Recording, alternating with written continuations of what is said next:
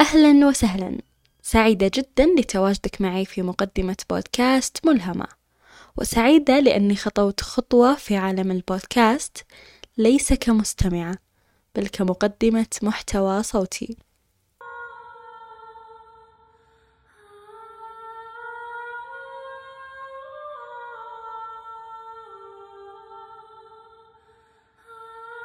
أكيد لو مرة فكرتوا لو كان للإلهام صوت إيش بيكون صوته؟